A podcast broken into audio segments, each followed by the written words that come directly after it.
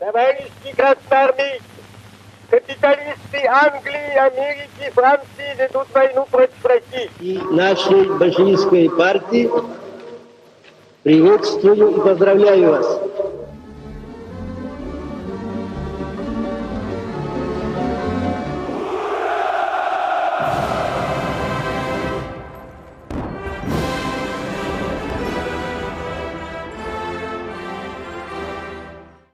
Rusya'dan Sevgilerle'nin 33. bölümüne hoş geldiniz. Her hafta olduğu gibi yine karşınızdayız. Ben Deniz Tunç Kalyoncu. Oğul'la birlikte bir konsept bölüm yapmaya karar verdik. Biraz güncel e, hikayeyi konuşacağız ama tabii işin arka planını, tarihini, olayların nasıl geliştiğini de söyleyeceğiz. Ve bugünkü konumuz aslında İsrail-Filistin olacak. Geçtiğimiz günlerde ve hala yaşanan olaylar sosyal medyada, dünya kamuoyunda oldukça yer etti. Çok üzücü, belki de çirkin olarak dile getirebileceğimiz, bize farklı Türkiye'nin tarihinden, yakın tarihinden hatta benzer görüntüleri çağrıştıran şeyler gördük. Biz de bu meseleyi Rusya'dan sevgilerle olarak farklı şekillerde ele almak istiyoruz. Öncelikle hoş geldin oğul. Hoş bulduk. Önce şöyle başlayalım. Yani Rusya'nın İsrail'le olan, Orta Doğu ile olan, Filistin halkıyla olan ilişkisi yeni değil. Zaman içerisinde oldukça değişti. Farklı zamanlarda farklı ilişki ağları kuruldu ama belki de 19. yüzyıla ve Rusya İmparatorluğu'nun dış politikasına, Orta Doğu'ya bakış açısına, Kafkaslara bakış açısına, Osmanlı'ya bakış açısına bakmamız gerekiyor. Çünkü özellikle Rusya'nın güneylere inmeye çalışması, kendisine orada bir yeni saha yaratmaya çalışması ve bunun tabii ki Rus emperyalizmiyle doğrudan bağlantılı olması yalnızca batıya doğru genişleme değil, sadece Slav halklarını bir araya getirme değil, aynı zamanda doğuyu da anlama, doğuyu da tanıma çünkü topraklarının çok büyük bir kısmı orada ve aynı zamanda tabii ki güneyi de anlama çabasından biz bölgeye ilgi duyduğunu, bir takım enstitüler kurduğunu, dil öğrettiğini kendi bürokratlarına biliyoruz okullarda vesaire. Ve tabii ki bunun sonucunda Sovyetler Birliği'nde de bunun bir devamını göreceğiz farklı şekillerde. Sovyetler Birliği dağıldıktan sonra Rusya'da da göreceğiz. Bu hikayelerin hepsini konuşacağız ama böyle bir ilginin varlığından, bunun yüzyıllara dayanan bir ilgi olduğundan ve yeni olmadığından bahsederek başlamak istiyorum. Sen de tabii ki bu işin büyük ihtimalle Rusya'nın içerisindeki Yahudilerden, onların tarihinden girerek başlayacaksın. Tabii Rusya tarihsel olarak aslında Yahudiliğin en büyük merkezlerinden biri. Yani Rusya derken Rusya İmparatorluğu ve burada bugün e, İsrail'deki ve dünyanın geri kalanındaki e, Yahudiliğin belki de en önemli e, kollarından biri olan e, Aşkenazları, Aşkenaz Yahudilerini kastediyoruz. E, ve bunların işte tarihte Yidişçe denen bir dil konuştuğunu, bu Yidişçe'nin aslında Semitik bir dil değil, Almanca'ya çok yakın e, bir dil olduğunu biliyoruz. E, ama e, Yahudilerin Rus topraklarındaki hikayesi çok çok binlerce yıl geriye gitmiyor. Bir yandan gidiyor aslında bu dediğimi çelişecek bir şey. Şöyle ki bugünkü Rusya topraklarında Hazarlar adlı bir e, Türk devleti vardı. İşte Türkçe konuşan, Göktürkler diye bildiğimiz e, Türk kanunu uzantısı olan. E, bunların Museviliği seçtiğini biliyoruz. Tabii bütün topluluk içerisinde kadar yaygın. Buna dair tartışmalar var. Bunların bakiyesi olan Karayın ve işte Kırımçak Türkleri e, Yahudilik dine mensup. Genelde Kırım'a e, ve Ukrayna'nın farklı bölgelerine yerleşmiş. Fakat e, Rusya İmparatorluğu büyüdükçe Rusya içerisindeki Yahudi nüfus artıyor ki bu da 18. yüzyılın sonlarına geliyor aslında 1790'lar. Bundaki en büyük etmen tabii Polonya'dan, Lehistan'dan alınan topraklar, Osmanlı'dan alınan topraklar ve hakikaten 19. yüzyıl, 20. yüzyıla geldiğimizde Almanya'dan, işte Avusturya Macaristan'dan belki de daha çok bunlarla yarışır ölçekte bir Yahudi nüfusa sahip oluyor Rusya genelde Belarus'ta, bugünkü Belarus'ta, bugünkü Polonya'nın doğusunda, bugünkü Ukrayna topraklarında yer alıyor bu Yahudi halkları. Sen de bahsettin, Rusya içerisinde e, doğuya yönelik ilgi hep var. Bu sadece Sibirya ile Orta Asya değil, işte bizim Doğu dediğimiz ve 19. yüzyılda Doğu deyince anlaşılan Osmanlı toprakları, Orta Doğu'daki işte Araplar vesaire İran direkt alıyor. Kesinlikle ve 18. yüzyılda itibaren Rusya bunları işte araştırmaya etmeye başlıyor tıpkı Avrupa, Batı Avrupa'daki diğer ne diyelim e, güçler gibi Lomonosov Enstitüsü yani bugün hala ayakta olan bunların zaten ilki. Ama biz Yahudiler hikayesine dönecek olursak Rusya'daki bunlar tabii tarihte e, Avrupa'nın diğer ülkelerinde olduğu gibi pek çok e, baskıya maruz kalıyorlar. İşte kimi zaman ayrımcılığa, e, farklı farklı ne diyelim politikalara maruz kalıyorlar. E, tabii işte bu Marksist tarihçilerin özellikle Sovyetler döneminde gördüğümüz hatta Solzhenitsyn gibi e, daha farklı cenahlara mensup isimlere göre bu Yahudilerin problemleri Rus köylerinden farklı değil. Ama özellikle 19. yüzyıl sonlarında 1903 senesinde işte Kişinev'de yani bugünkü Moldova'nın başkentinde e, çok büyük çaplı pogromlar, katliamlar yaşanıyor. Ve Rusya'da Siyonizme karşı cephe aslında o zamanlar gelişiyor. Bunu Bolşeviklerde de görüyoruz. Bolşeviklerin karşısındaki Beyaz Ordu'da da, Beyaz Ruslarda da görüyoruz. Özellikle Beyaz Ruslarda çok büyük bir antisemitizm var ki bunu da herhalde yine ilerleyen dakikalarda konuşuruz. Bugün Rus sağının, Rus aşırı sağcılığının miraslarından biri de bu antisemitizm. O dönemden başlıyor. Buna karşılık e, Bolşevikler aslında o dönem özellikle Batı Avrupa'da, Almanya'da e, Yahudi olarak adlandırılıyorlar. Ki e, bunlar içerisindeki tek Yahudi figür aslında Trotsky'ydi yani. tek cidden Yahudi olan oydu ve yani zehir gibi adam. Zeki bir kişilik. Stalin'le ihtilafını bir köşeye bırakırsak. Ve Avrupa'da e, o dönem Yudeo-Bolşevizm diye farklı e, bir e, komploculuk ortaya çıkıyor. İşte Yahudiler aslında, e, Bolşevikler aslında Yahudidir. Yahudi bankerler tarafından finanse ediliyor. Avrupa'ya yıkmaya çalışıyorlar. Keza Sovyetler Birliği'nde de e, Siyonizm, ırkçı emperyalizmin bir e, maşası olarak görülüyor. E, Siyonistlerin işte farklı politikalarla, bankerler, kapitalistler aracılığıyla e, Orta Doğu'yu, Rusya'yı, Yahudilerin yaşadığı toprakları e, istikrarsızlaştırmakla suçluyorlar. Ve hani dünya tarihinin en karanlık dönemlerinden biri olan İkinci Dünya Savaşı'nda da Sovyet topraklarında, Avrupa'nın geri kalanında Yahudi nüfusu büyük çoğunluğu zaten ya ortadan kaldırılıyor, kaçabilenler de bugünkü Filistin topraklarına yerleşiyorlar. Ve tabii kısaca toparlamak gerekirse artık bu Bolşevizmin ee, daha sonra tabii Stalinizmin Yahudilere bakışı 41 itibariyle değişmeye başlıyor. Bu 41 tarihte neyi sembolize ediyor? Tabii Rusya'nın e, savaşa girmesi, savaşın en korkunç e, dönemi. Moskova'da bir Yahudi Antifaşist Komitesi kuruluyor. Yani Stalin'in koruması altında. Daha sonra 45 e, itibarıyla Sovyetlerin Holocaust ve işte ezilen, kaçmak zorunda kalan, hayatta kalan Yahudilere sahip çıkma politikası geliştirdiğini görüyoruz. Bizim konumuzun temel noktasına da gelecek olursak yani İsrail'in doğuşu görüyoruz ki Sovyetler Birliği İsrail'i tanıyan yeryüzündeki ilk devlet oluyor. İsrail kurulmadan öncesinde Birleşmiş Milletler'de yeni kurulan Birleşmiş Milletler'de yaşanan tartışmalarda Gromykan'ın o zaman e, Sovyetlerin oradaki temsilcisi daha sonra tabii uzun yıllar e, Dışişleri Bakanı olacak. Yahudi tezlerine, İsrail tezine çok büyük destekler verdiğini görüyoruz.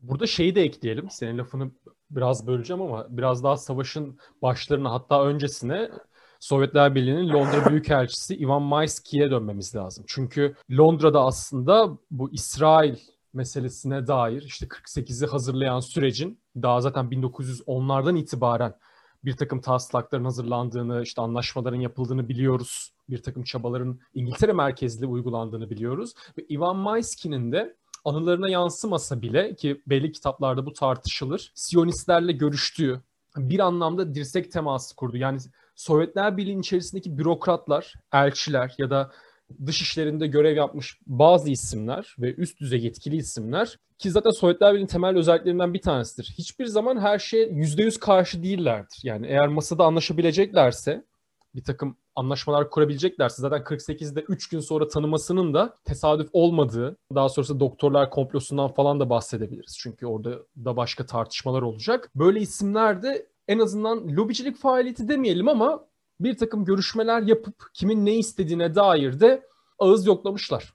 Evet yani bu çabalar hep var ve e, sen tabii Sovyetlerin ve daha sonra Rusya'nın en önemlisi e, dış politikasına çok güzel bir değindirme yaptın. Yani tam bir taraf seçmiyorlar. Bu çok önemli.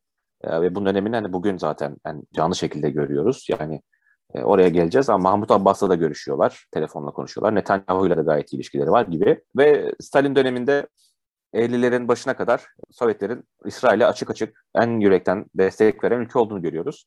Bunun sebebi de Orta Doğu'da kendisine bir müttefik yaratma arzusu. Çünkü o dönemki ne diyeyim konjonktürde yani Suriye Fransızların egemenliğinde, Irak İngilizlerin egemenliğinde, alttaki bütün Arap dünyası İngilizlerin egemenliğinde e, bütün bu kolonyal, post kolonyal süreçte e, İsrail acaba bize bir ne diyelim iyi dönüşte bulunabilir mi? Görüşü var. Mesela Golda Meir işte İsrail'in sonraki efsanevi başbakanı e, Sovyetlere atanan ilk büyükelçisi oluyor falan. Hani böyle çok önemli hikayeler de var. Çok önemli detaylar da var. E, ve 50'li yıllarda e, yani o senin bahsettiğin doktorlar komplosu gibi bazı garabetler de yaşanıyor. Tarih tezlerine kaynaklık ediyor. İsrail'de evet Siyonistler var. Ama aynı zamanda çok büyük bir de komünist parti örgütlenmesi var. Ve onların da aslında Sovyetler Birliği ile ikili ilişki kurma ihtimalleri buradaki dirsek teması da önemli. Yani İsrail'in kuruluşunda İsrail'in tamamı Siyonisttir. İşte oradaki yaşayan bütün herkes böyle bir ideali paylaşır demek de çok doğru değilmiş gibi geliyor. Kesinlikle. E, çünkü İsrail bugünkü bakış açısı, bugünkü komplolarla geçmişe bakmak çok yanlış. E, o dönem e, bir şekilde yani plan vardı, yoktu. İşte Balfour'a kadar çekilen tarihi detayları hepimiz biliyoruz. Ama e, 45 senesinden 47 senesine kadar İsrail kendini kaçıp kurtaranların sığındığı bir yer. E, bunların içinde de pek çok farklı görüşte insan var. Otoktonlar, yerleşik insanlar var. Ve bahsettiğin Maki yani İsrail Komünist Partisi cidden önemli bir kaldıraç o dönemde. E, Sovyetlerle ilişkiler çok iyi. Stalin bütün posterleri süslüyor. E, Arap ve Yahudi gençler e, birlikte mücadeleye çağrılıyor.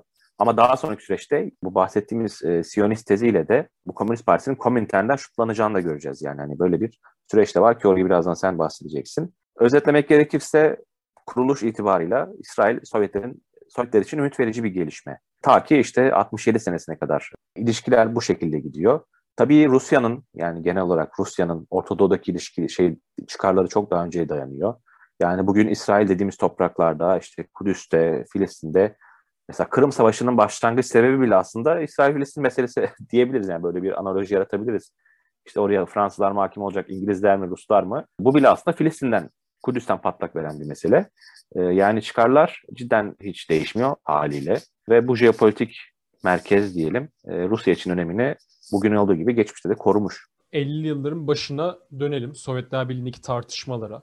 Bu sadece tabii 50, yıl, 50 yıllarda başlayan bir tartışma değil. Sen Rusya İmparatorluğu'nun dönemlerinden aldığında şunu gördük. Ya Yahudiler dünyanın birçok yerinde olduğu gibi bir tehdit unsuru olarak görülüyorlar. Ve bu bir travma aslında. Yani insanlar, devletler, yöneticiler, kişiler bu travmayı yaşatıyorlar belli dönemlerde. Şimdi 48'de İsrail'in kurulmasından sonra Tabii öncesinde de var bu tartışmalar. Ya Sovyetler Birliği'nin üst düzey bakanlarından, bakan eşlerinden de Yahudi olanlar var. Mesela Kaganoviç'ten bahsediyoruz Ulaştırma Bakanı. İşte Molotov'un eşinden bahsediyoruz ama Molotov'un eşi daha sonrasında tutuklanacak, hapis yatacak ki yani bir sürü tartışma meydana gelecek ve Ondan doktorlar... önce Litvinov var. Tabii evet Molotov'dan özellikle önce. zaten 20'lerde çok büyük bir ağırlıktalar. Yani Bolşeviklerin hani böyle beyin takımı diyebileceğimiz isimler genellikle Yahudiler oluyorlar.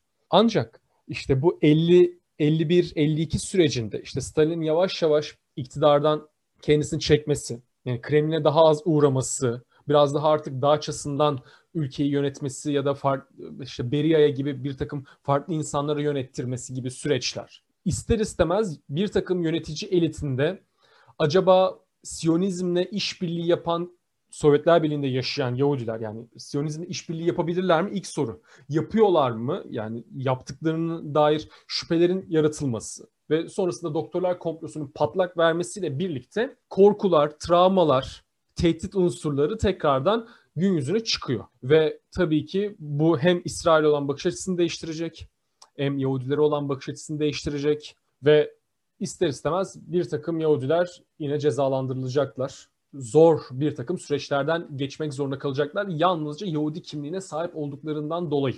Ve bu Sovyetler Birliği'nin daha sonraki hamlelerini de etkileyecek. Çünkü daha neyi göreceğiz biz? Arap yakınlaşmasını göreceğiz. İsrail-Filistin meselesinde zaten mesele sadece İsrail-Filistin değildir. İsrail ve Arap dünyası meselesidir. Başta Mısır ve Suriye olmak üzere Sovyetler Birliği'nin 50 yılların ortasından itibaren Stalin'in ölümüyle birlikte Hruşçov'un yapmaya çalıştığı en büyük şeylerden bir tanesi Nasır'la bir araya gelmek. Ki zaten Nasır Sovyetler Birliği'ne ziyarette bulunacak vesaire. Suriye ile Baba Esad'dan başlayarak kurulan ilişki ağını ki günümüzde 2021'de de bu ilişkinin ne ölçüde devam ettiğini herkes az çok biliyor. Yeni bir dönem başlayacak ve bu dönemde Sovyetler Birliği aslında işte senin o postkolonyal dönemde aradığı şeyi bulmasına da yol açacak. Araplara yakınlaşma gerçekleşecek. Zaten İsrail'in de hani minik parantez Sovyetlere çok da e, bir gönül bağı duymadı ortada. Batı ile ta en başından beri e, özellikle ABD burada önemli aktör. Fransa ve İngiltere'nin o Süveyş kriziyle şutlanmasıyla beraber e, Batı'ya, ABD'ye e, yakınlaşma arzusunun ortaya çıkması daha önemli. Burada o zaman şeyi sorayım sana. E, biraz da konuyu atlamış olalım. Filistin Kurtuluş Örgütü'nün kuruluşu, Arafat'ın daha sonrasında burada liderliğe soyunması ki ilk lideri Arafat değil normalde. oradaki süreçlerden daha sonrasında lider olarak çıkacak. Ve onun Sovyetler Birliği ile kurduğu yeni ilişkiler. Özellikle zaten 60'ların ortasından itibaren gördüğümüz için artık Khrushchev'da yok. Brejnev var. Brejnev'le çok yakın ilişkiler kuracaklar. Arafat Moskova'ya defalarca ziyarete gidecek. Hatta yanlış hatırlamıyorsam Brejnev'in cenaze törenine de katılacak Arafat. Yani üst düzey yetkililerden belki de en tanınan simalardan bir tanesi. Filistin Kurtuluş Örgütü ile Filistin'le ve Sovyetler Birliği'nin bu 60'lardan sonraki ilişkilerini nasıl değerlendiriyorsun? Tabii burada 73'ü de konuşacağız çünkü orada da savaş var. Tabii en önemli dönüm noktası olarak e, o ana kadar işte 49'da 48'de İsrail ordusunu çok e, etkin bir şekilde donatıyor Sovyetler. Çekoslovakya üzerinden kendi silahlarıyla. E, fakat Arapların yaşadığı büyük hezimetle beraber Sovyetlerin yeni bir hami olarak Arap coğrafyası üzerine zaten doğduğunu görmüştük. İyice bu kesinleşiyor gibi bir şey. Çünkü Orta Doğu'da hiç kimse hegemon bir güç, özellikle Batı'nın bir müttefiki olan İsrail'i istemiyor. Senin bahsettiğin ilişkiler ağı işte bazı partileri üzerinden yani burada Saddam'la bile e, Rusya'nın 75-81'e kadar e, çok önemli ilişkiler kurduğunu görüyoruz. Bütün bu, ülkelerde belki Ürdün'ü bir nebze dışarı tutabiliriz. E, çok yakın olduğunu, çok yakın ilişkiler kurduğunu görüyoruz. İsrail'e karşı olan ittifakta en önemli aktörlerden biri. Ve hatta dönemin Sovyet basınında sadece Moskova'da değil işte diğer e, cumhuriyetler, diğer Varşova Paktı ülkelerinin basınında İsrail'e karşı yapılan saldırılar övülüyor. Bunu görüyoruz. İsrail'in Uganda'da gerçekleştirdiği e, esir kurtarma operasyonu mesela bir hani İsrail'in egemenlik, Uganda'nın egemenlik haklarına saldırı olarak bile yansıtılmış. Bunu görüyoruz. 80'lere kadar, 80'lerin ortasına kadar bu böyle devam ediyor. Bununla beraber Sovyetler Birliği'nde çok önemli bir Yahudi nüfus olduğunu söyledik. Hani ta Rusya İmparatorluğu'ndan miras kalan ve bu nüfus aslında ta Stalin devrine itibaren Rusya'yı terk edemiyor. Yani İsrail'e yerleşme mevzusu burada önemli ve e, Sovyet Yahudilerinin İsrail'e yerleşme hakkı yok. Bunun yanı sıra bazı önde, önde gelen Yahudi aktörler ülke içerisindeki işte tutuklanıyorlar. Bu Tatar aktivist vardır mesela. Mustafa Cemilev, Kırımoğlu. Tıpkı onun gibi e, önde gelen bazı Yahudi figürlerin işte New York Times'ları, Batı medyasının önemli gazetelerini 70'lerde, 80'lerde süslediğini görüyoruz. Yani çok önemli bir kat sahası oluyor bu mevzu. Amerika'da kurulan mesela Sovyet Yahudilerine yardım gibi dernekler var. Bunlar bu propaganda yoluyla e, Sovyet Yahudilerinin yeryüzündeki son özgür olmayan, özgürlüğü kısıtlanan Yahudi topluluğu olduğunu söylüyorlar. Ve nihayet en önemli paradigma değişimi Gorbaçov'un iktidara gelmesiyle vuku buluyor. E, buraya kadar kısmında tabii atladığım, eksik kaldığım yerleri lütfen tamamla. Ama eğer Sovyet politikasını özetlemek gerekecekse Gorbaçov'a kadar ne dedik? Bir, e, gayet pro-İsrail bir tutum. İsrail'in kurulma sürecinde yani daha ilk tanınan devlet olunmasına kadar. Daha sonra 50'lerde başlayan fakat e, 7 gün savaşıyla beraber zirve noktaya ulaşan bir e, paradigma değişimi. Öylece pro-Arap, pro-Bağız, e, Suriye, Mısır, Irak e, üçgeninde bir Arap yanlısı tutumun benimsenmesi ve tabii dinleyicilerimizin de dikkatini çekelim. E, bu bahsettiğimiz 60'lar 70'ler döneminde e, Dışişleri Bakanı Gromyka yani Gromyka 47'de Birleşmiş Milletler'de İsrail'in kurulmasını e, İngiltere'den, ABD'den, Fransa'dan daha çok savunan isim ve böyle bir şey oluyor.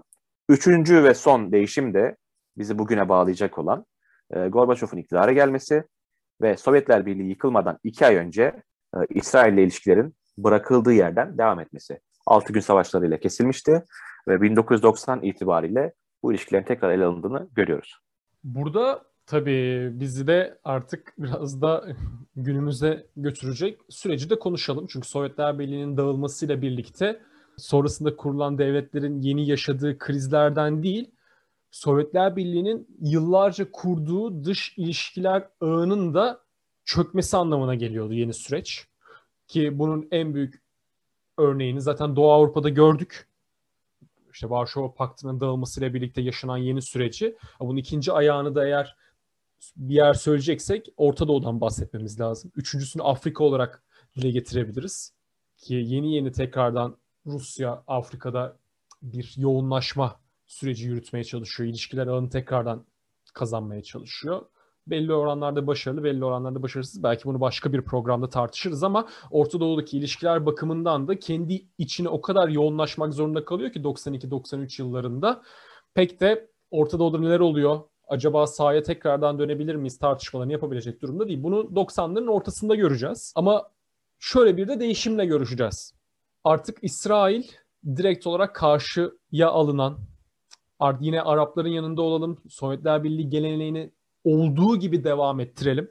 Ve İsrail ilişkilerimize bir anlamda çünkü onlar Amerika ile yakın oldukları için ket vuralım demiyorlar. Çünkü Amerika-Rusya ilişkileri de 90'lı yıllarda oldukça değişim gösterecek. Clinton'la Yeltsin arasındaki ilişkileri biliyoruz. Hangi oranlarda yakınlaştıklarını da biliyoruz. Yeltsin'e ne kadar destek çıktığını da biliyoruz Clinton'ın. Ha, tabii ki eldeki imkanlar da tek başına işte İsrail'i karşıya almaya, onunla ondan hiçbir şey elde etmemeye yönelik de olamıyor ve İsrail'i aslında resete basılıyor. Ve bu reset 30 yıllık sürecin sonunda neredeyse bizi bu noktaya 2021'e getirecek. İsrail ilişkiler düzeltiliyor. Oradaki yeni aslında hem askeri bir takım ilişkiler hem ticari bir takım yeni ilişkiler kuruluyor. Ama burada yeni bir denklem de ortaya çıkacak. O da şu, Suriye'yi bırakmayacak mesela Rusya. Ya da Mısır'la ilişkiler e, belki Nasır dönemindeki gibi olmayacak ama Suriye örneğinden gidebiliriz. Çünkü Suriye'nin İsrail'le yaşadığı krizi hepimiz az çok biliyoruz. Bir denge siyaseti de güdecek. Yani İsrail'e de yakınlaşacak ama Suriye'yi de elden bırakmayacak. Suriye'yle yakın olmaya devam edecek Esad'la. Ve 90'lı yıllarda eksik bıraktığım bir şey olursa tamamlarsın. Putin döneminde ise artık hem kurumsal yapı tekrardan oturtulduğu, dış ilişkiler tekrardan ayağa kaldırıldığı belki 2007'ye kadarki süreçte en azından bu toparlanma hikayesi devam edecek. İsrail ilişkileri de Rusya ile gelişmeye de devam edecek. Arada nüanslar var tabii ki ama burada Filistin'le kurulan ilişkiler de, Filistin halkıyla, Filistin yönetimiyle kurulan ilişkiler de devam edecek. Rusya tek bir tarafın parçası olmayacak. Birçok tarafın farklı parçaları olacak diyebiliriz belki. O senin en başta ifade ettiğin tek bir tarafı seçmeyen politikası yani Rusya e, dış politikadaki aslında en önemli ne diyelim Rus dış politikasının en önemli saç ayaklarından biri. Bugün Suriye'nin dünya üzerindeki herhalde yani belki İran'la yarışır en büyük destekçisi Rusya. E, fakat neredeyse gün aşırı Şam'ı vuran e, tabii Şam'daki farklı unsurları vurduğundan düşelim ama e, İsrail ile ilişkilerini kesmiyor. Aksine geliştirmeye çalışıyor. Netanyahu ile Putin arasında mesela kişisel olarak bile iyi bir ilişki var. E, aynı şekilde İran'ın e, uluslararası alanda e, Çin'den sonraki en büyük ekonomik partneri, siyasi ve askeri partneri Rusya. Fakat İsrail ile ilişkilerini hiçbir şekilde bu etkilemiyor. Hatta e, 2010'lu yıllarda Rusya'nın e, İran ve Türkiye'ye karşı İsrail ile birlikte bir ne diyeyim ittifak içerisine, işbirliği içerisine gidebileceği bile çok konuşuldu, tartışıldı. Yani ekonomik ilişkiler tabii burada İsrail deyince en önemli şey ekonomidir. Doğu Akdeniz'in e, stratejik e, ne diyelim e, gelişmeleridir. E, Rusya bunları hiçbir şekilde e, ne Türkiye için, ne İran için, ne e, Esad için çöpe atmıyor. Bu çok önemli bir gösterge. E, Rus dış politikasını, Kremlin bakışını anlamak için. Filistin meselesinde de e, Rusya'nın yaklaşımını bu hiçbir şekilde etkilemiyor aklıma Çeçen Savaşı geldi ve Çeçenler geldi. Yani 90'lı yılların Rusya'nın en büyük yaşadığı problemlerden bir tanesi. Yani Kremlin yönetiminin yaşadığı ve Rusya'nın içerisindeki bir iç savaşa dönüşen Çeçen Savaşı ile birlikte şey gündeme geliyor tabii ki. Orta Doğu'dan cihatçılar gelebilir mi Rusya'ya? Oradan gidebilirler mi? Çünkü şeyi biliyoruz. Yani Suriye'deki iç savaşta hem post-Sovyet ülkelerinden işte Türkiye Cumhuriyetlerden, Kırgızistan, Özbekistan gibi ülkelerden Suriye'ye giden ve IŞİD'e katılanlar var. Bunun yanı sıra Rusya'nın içerisindeki Çeçen bölgesinden ya da Rusya'nın farklı bölgelerinden çünkü oldukça yüksek bir Müslüman nüfusa sahip ve buradan kaynaklı tabii ki Arap dünyasıyla kurduğu denklemi de çözmesi lazım. Çünkü orada bir fay kırılması Rusya'nın kendi iç siyasetinde de bir sıkıntı yaratabilir. Yani Çeçen Savaşı'nda bunu gördük. Suriye İç Savaşı'nda bunu gördük ve orada bir takım e, problemleri çözmek adına da bir anlamda Esad'ı da buna ikna edebilmiş durumda. Netanyahu'yu da buna ikna edebilmiş durumda. Yani Suriye ile İsrail arasında işte sınır ihlalleri olduğu haberleri çıkıyor. İsrail'in Şam'ı bombaladığı haberleri ortaya çıkıyor. Biliyoruz ya bunları gazetelerden az çok takip edebiliyoruz. Ama Rusya'nın doğrudan müdahale ettiği bir hikaye var mı diye soracak olursak hayır yok. Biraz Trump dönemini de tartışalım. Çünkü Biden'ın iktidara gelişiyle birlikte Trump'ın yakın olduğu isimlerin de hatta bununla ilgili gidişleri de çok benzeyecek şeklinde bir takım analizler görmüştüm. Hani bu kongre baskınıyla alakalı çıkmıştı galiba. Sen de paylaşmıştın diye hatırlıyorum. Ya belki senden bile görmüş olabilirim. O, o olabilir evet bu ekstremistler, popülistler falan bunların girişiyle alakalı herhalde. Ya işte Biden iktidara geldikten sonra zaten Netanyahu ile ne zaman görüştü? Bir ay kadar sonra görüştü. Yani bunun spesifik bilerek yapılmadığı söylendi ama yani büyük ihtimalle bir altta Amerikan dış politikasının ve Biden'ın yeni imajının da etkisi olduğunu göz ardı etmememiz gerekiyor. Fakat Putin'le kurulan ilişkilere bakınca da bambaşka bir senaryo görüyoruz. İşte 2020'nin başındaydı sanırım Putin gitmişti İsrail'i ziyarete. Orada özellikle 2. Dünya Savaşı da Sovyetler Birliği'nin yapmış olduğu işte Auschwitz vesaire kurtarması, özellikle birçok kampı özgürleştirmesi hikayelerinden de Putin'e tebrik yapılmıştı. Putin de zaten anıtları vesaire ziyaret Evet, etmişti. evet. Bu hikayeleri de biliyoruz. O yüzden İsrail dengesinde evet Amerika'dan elbette vazgeçmeyecek ama Rusya ile kurulan ilişkilerde de yeni denge kurulmuş durumda. Peki bu son günlerde yaşanan gelişmelerle alakalı ben biraz literatürü taradım. Amerika'dan tepkiler var. Hani Bernie Sanders vesaire de yazmış etmiş Twitter üzerinden. Rusya'dan çok üst düzey bir açıklama gördün mü yaşanan gelişmelere dair? Ben görmedim. Hani belki bizim daha geniş ilgilendiğimiz coğrafyayla alakalı olarak Azerbaycan'dan da bir tepki yok. Çünkü hani İsrail'in biz Karabağ Savaşı'ndaki olağanüstü ne diyelim yardımını gördük. Azerbaycan, İsrail'in bölgedeki belki de en önemli müttefiki şu an. Ee, ve ondan da bir tepki gelmedi. Hatta Azerbaycan yani evet, Türkiye ve İsrail'i bir araya getirip orta noktayı bulma noktasına kadar gelmiş bir ülkeden bahsediyoruz. Evet, çok ilginç yani. Şimdi tabii artık öyle bir şey herhalde İsrail gelmek istemez ama evet Azerbaycan'ın rolü aslında çok önemli. Yani doğrudan konumuzla alakalı değil ama e, belki hani antisemitizm, Rusya sağlanan antisemitik e, vakasıyla ilgilenecek bir şey ekleyebilirim. Bugün Lenin'e bile e, Yahudi deyip tabii kötülemek amacıyla bir e, pejoratif kullanım. Bütün Bolşevik mirası, Sovyet mirasını çöpe atmaya çalışanlar var. Bunlar içinde mesela Solzhenitsyn, Nobel ödüllü, e, belli bir cenahın lideri o- önde gelen ismi olan Solzhenitsyn'in 200 yıllık birliktelik diye bir kitabı var. Burada Solzhenitsyn yine antisemitizmle aslında itham edilmişti. Fakat Rus Yahudi tarihini işliyordu. Buna karşı çıkanlar da var. Bunun yanı sıra Limonov, bugün Dugin, bu isimlerin aslında İsrail'e bakışı çok önemli. Tabii Putin'in İsrail'e bakışını, Rus halkının İsrail'e bakışını etkiliyor mu derseniz e, kesinlikle hayır. Burada şey de söyleyebiliriz. Yani sen günümüzdeki siyasetten bahsettin. Sovyetler Birliği'nin dağılışını da Yahudi lobisine bağlayan bir takım yazarlar var. Şu an bir tabii tabii. kitaplığıma baktım ama kitabı bulamadım. Belki daha sonrasında soranlar olursa biz bu bölümü yayınladıktan sonra kitabın ismini de paylaşabiliriz. Yani Yahudiler yüzünden dağıldı Sovyetler Birliği şeklinde bir analiz var ve karşılık gören bir analiz belli çevrelerce. Yani günümüzdeki siyasetinde bunun ne anlamda kurgulandığını Rusya'da az çok tahmin edebiliriz. Sadece Jirinovski'nin partisinden veya buna benzer oluşumlardan değil, halkın genelinde zaten Yahudilere karşı bir hep soru işareti var. Evet maalesef. O halde Rusya'dan Sevgilerler'in de 33.